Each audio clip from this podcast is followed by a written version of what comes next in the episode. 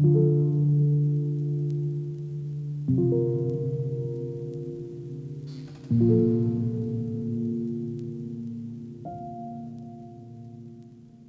lyssnar på Parafraspoddens Mellansnack 3.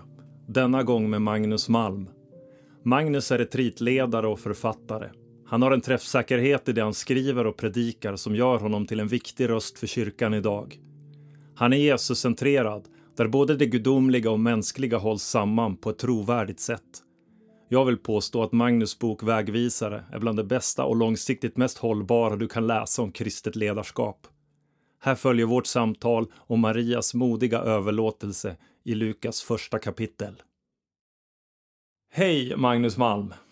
Kul att jag får prata med dig om eh, texten i Lukas 1 och 26-38 när ängeln besöker Maria. Och då är jag lite nyfiken, vad, vilken betydelse har den här texten för dig och vad har den haft för betydelse i ditt liv? Jag skulle säga att den har fått en väldigt stor betydelse, alltså mer och mer eh, ju äldre jag har blivit. Ehm, och eh, jag tror att det går tillbaka på flera saker. Bland annat läste jag för många år sedan en bok av en av Tessé-bröderna eh, som handlade om Maria och kyrkan. Han var då inte katolik, han blev det sen, men då, då skrev han som protestant och försökte hitta ett ekumeniskt sätt att förstå Maria därför att Maria har ju väldigt lätt hamnat i ett slags katolskt fack och, och skapat mm. någon slags beröringsångest nästan bland protestanter. Ja, det vågar inte närma oss det där för det är katolskt på, på ett sätt som är ganska sjukt. Alltså, vi har inte alls den beröringsångesten för andra människor i, i Nya Testamentet, Petrus och Paulus och så vidare. Då. Mm. Men just när det gäller Maria så har vi blivit förfärligt nervösa och tror att vi blir katoliker så fort vi pratar om Maria. Jag tror att det där är helt förödande och det han gjorde i sin bok det var att väldigt tydligt göra kopplingen mellan Maria och kyrkan. Och det har jag haft oerhörd glädje av att se.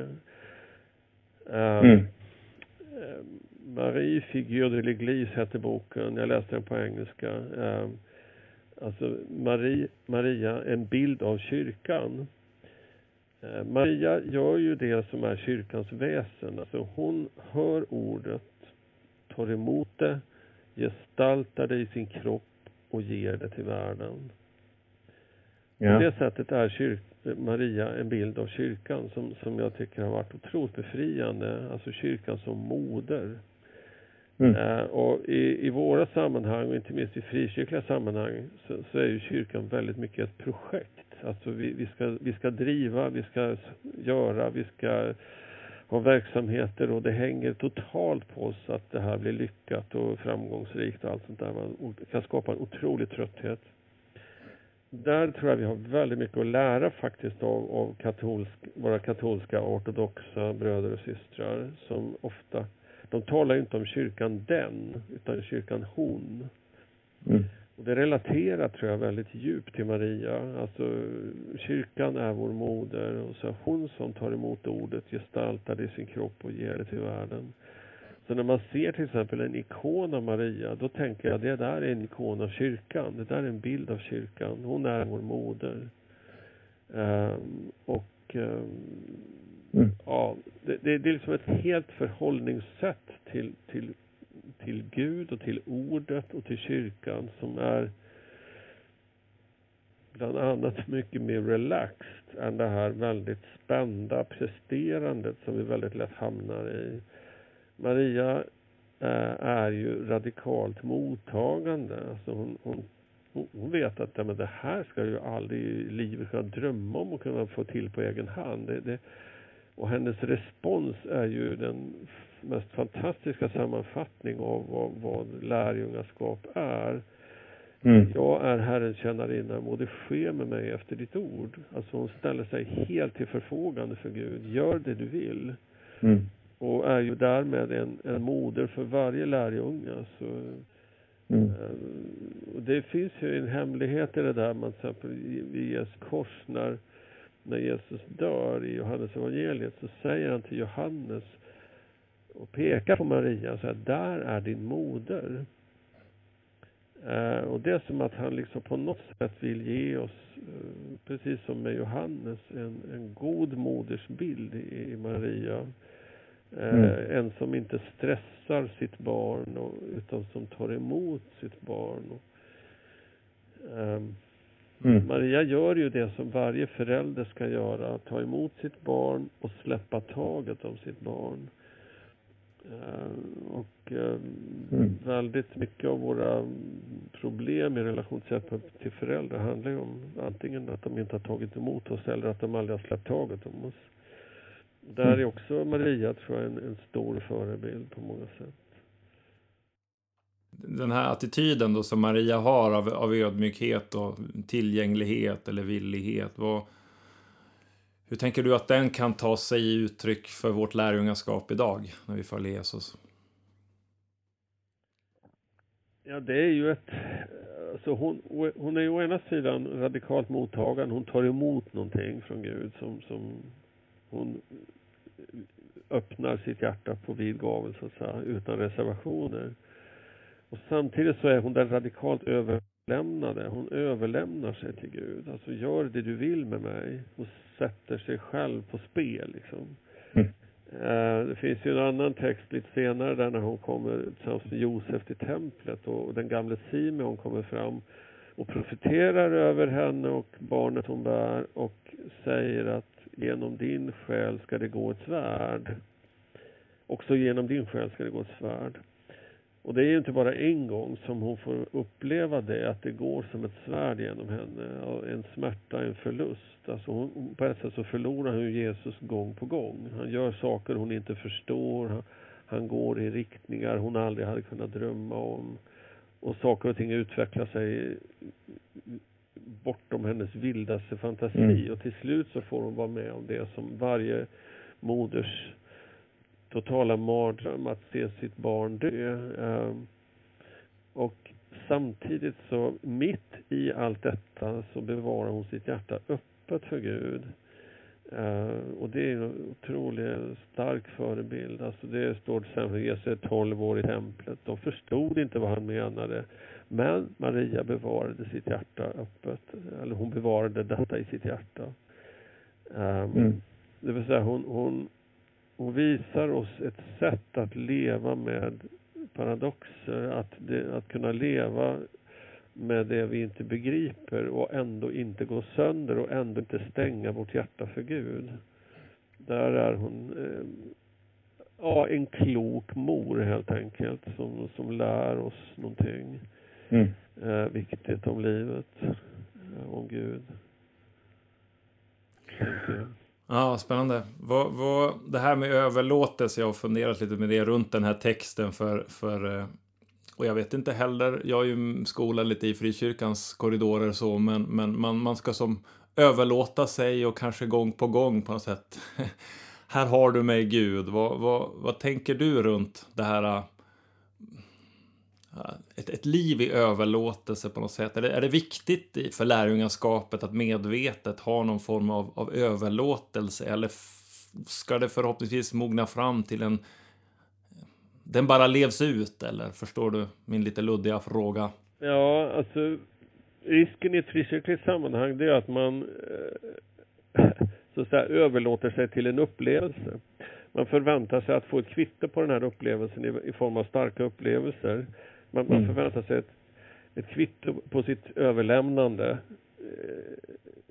Om, om jag överlämnar mig då ska jag få en stark upplevelse. Alltså, det där tror jag är väldigt mm. destruktivt. Alltså, det är inte det vi överlåter oss till. Det är inte det vi överlämnar oss till för att få en upplevelse. Mm. Utan det det handlar om det är i princip att, att vidga min kontaktyta med Gud. Så att, säga, Att, att släppa in Gud på fler områden i mitt liv. Säga okej, okay, jag släpper taget om det här. Eh, gör vad du vill. Och det är ju där som Maria är som förebild. Alltså hon, hon sätter ju inte bara någon slags inre liv på spel utan hon sätter ju sitt äktenskap på spel som hon stod precis på, på tröskeln till att bygga upp ett hem med Josef och så händer något totalt omtumlande som gör att de blir politiska flyktingar till exempel och tvingas fly till Egypten med ett litet barn liksom. Det hade mm. inte precis gått och drömt om liksom. De skulle bygga upp sin familjeidyll där och så händer det här. Och det är ju en del av överlåtelsen, att, att, eh, att överlämna sig till Gud så att han får göra det han vill. Eh, och det är någonting som är viktigt, absolut. Det är ju, det är ju vad det kristna livet handlar om i väldigt hög grad. Eh, jag ställer mig till förfogande. Du har gett mm. allt för mig. Jag vill ge, ge, tillbaka mitt liv. Du har gett mig allt. Jag vill ge det tillbaka till dig. Det är vad överlåtelse egentligen handlar om. Du har gett mig mm. min kropp, min hälsa, min begåvning, allt mina kreativa intressen eller vad det är. Jag vill ge det tillbaka till dig.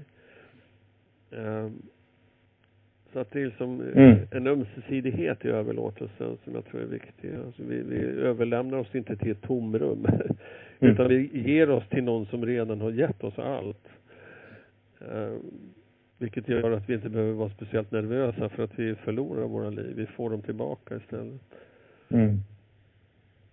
Just det.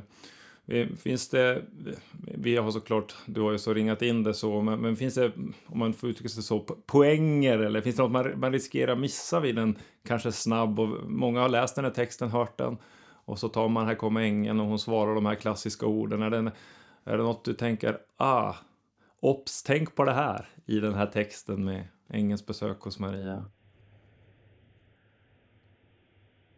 Jag är nog mest fokuserad på hennes respons, alltså hennes eh, lydnad, hennes tillit till Gud. Mm. Um,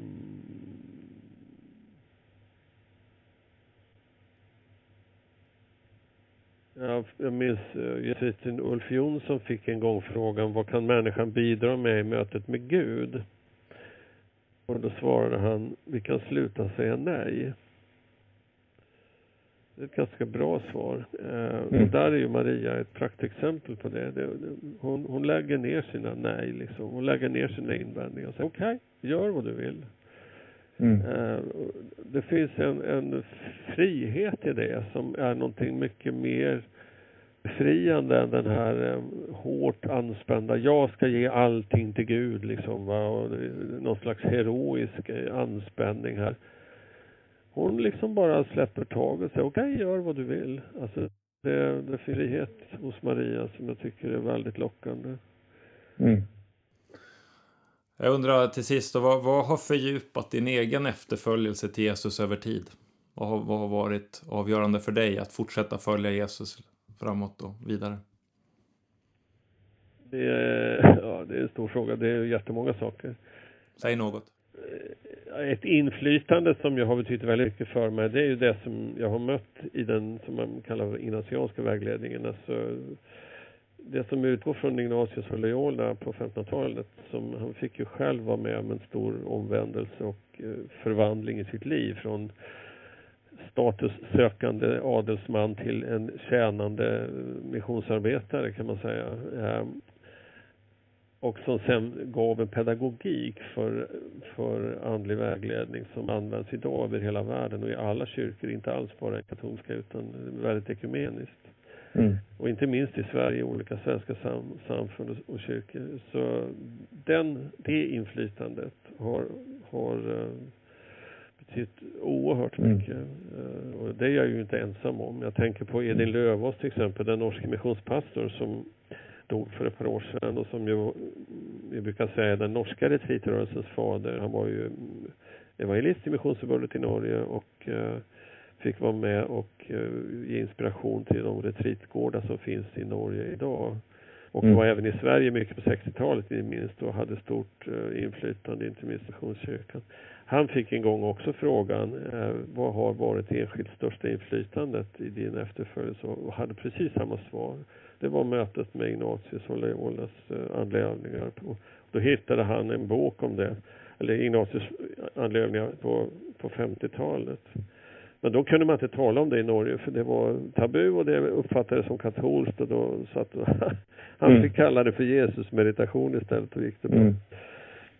För den som då inte alls, jag, jag vet ju Magnus, det här är sådana stora frågor och det är jätte, men, men vad, vad, är då den här spiritualitet, Ignat, Ignatians spiritualitet, vad är det som kännetecknar den i några eh, korta sammanfattande drag som gör den så, som gör den så bra? ja, alltså den är ju, för det första är den Jesuscentrerad. Det är ju, det är, eh, bygger på ett, ett väldigt eh, enkelt sätt att att meditera över evangelierna, de fyra evangelierna. Det är de texterna det handlar om. Alltså, och eh, i syfte att få syn på Jesus och att ställa mitt liv eh, helt eh, i ljuset av vem han är och vad han vill med mitt liv.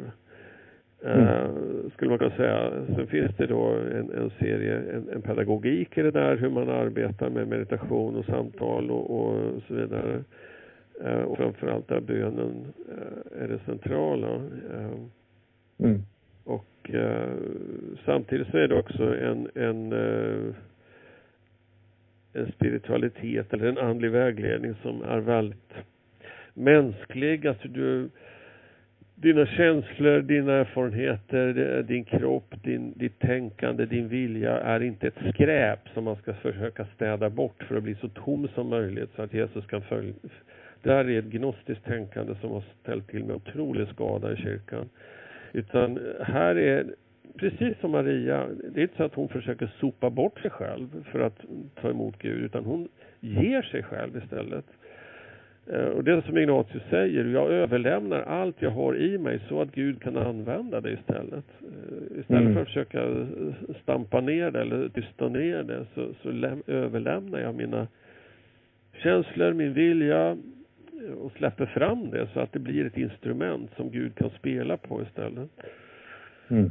Alltså det finns en, en dans, eh, så att säga, it takes two to tango. Det, det finns en, en, synergi mellan Gud och, och mig i, i, det här som jag tycker stämmer väldigt väl med vem Jesus är, en sann Gud och människa. Mm. Ja, jättebra. Det är lite intressant också för att jag tänker i frikyrkligt perspektiv, den, den eh, den enda biografi över Ignatius som finns på svenska det är en frälsningsofficer som heter Laura Petri som skrev på 60-talet. Uh, eh, jag kommer själv från Frälsningsarmén bakgrund, alltså växte upp i Frälsningsarmén och uh, mm. gjorde samma reflektion som hon när hon skrev den här boken, att hon kände igen sig väldigt mycket uh, hos Ignatius. Det finns kopplingar där. Han, han använder ofta de här armémetaforerna till exempel. Och, eh, mm. Att kämpa för Gud och att stå på hans eh, sida i hären och så vidare. Alltså en frälsningssoldat kan känna igen väldigt mycket av det där. Eh, men det är bara ett exempel på att det här är en, en väldigt ekumeniskt öppen spiritualitet där människor från många olika traditioner kan känna igen samme Jesus. Mm. Och det har gett mig oerhört mycket. Så det har varit en, en oerhörd hjälp för mig. Mm. Vad gott. Du, tack Magnus för de här orden och det här lilla samtalet. Tack själv.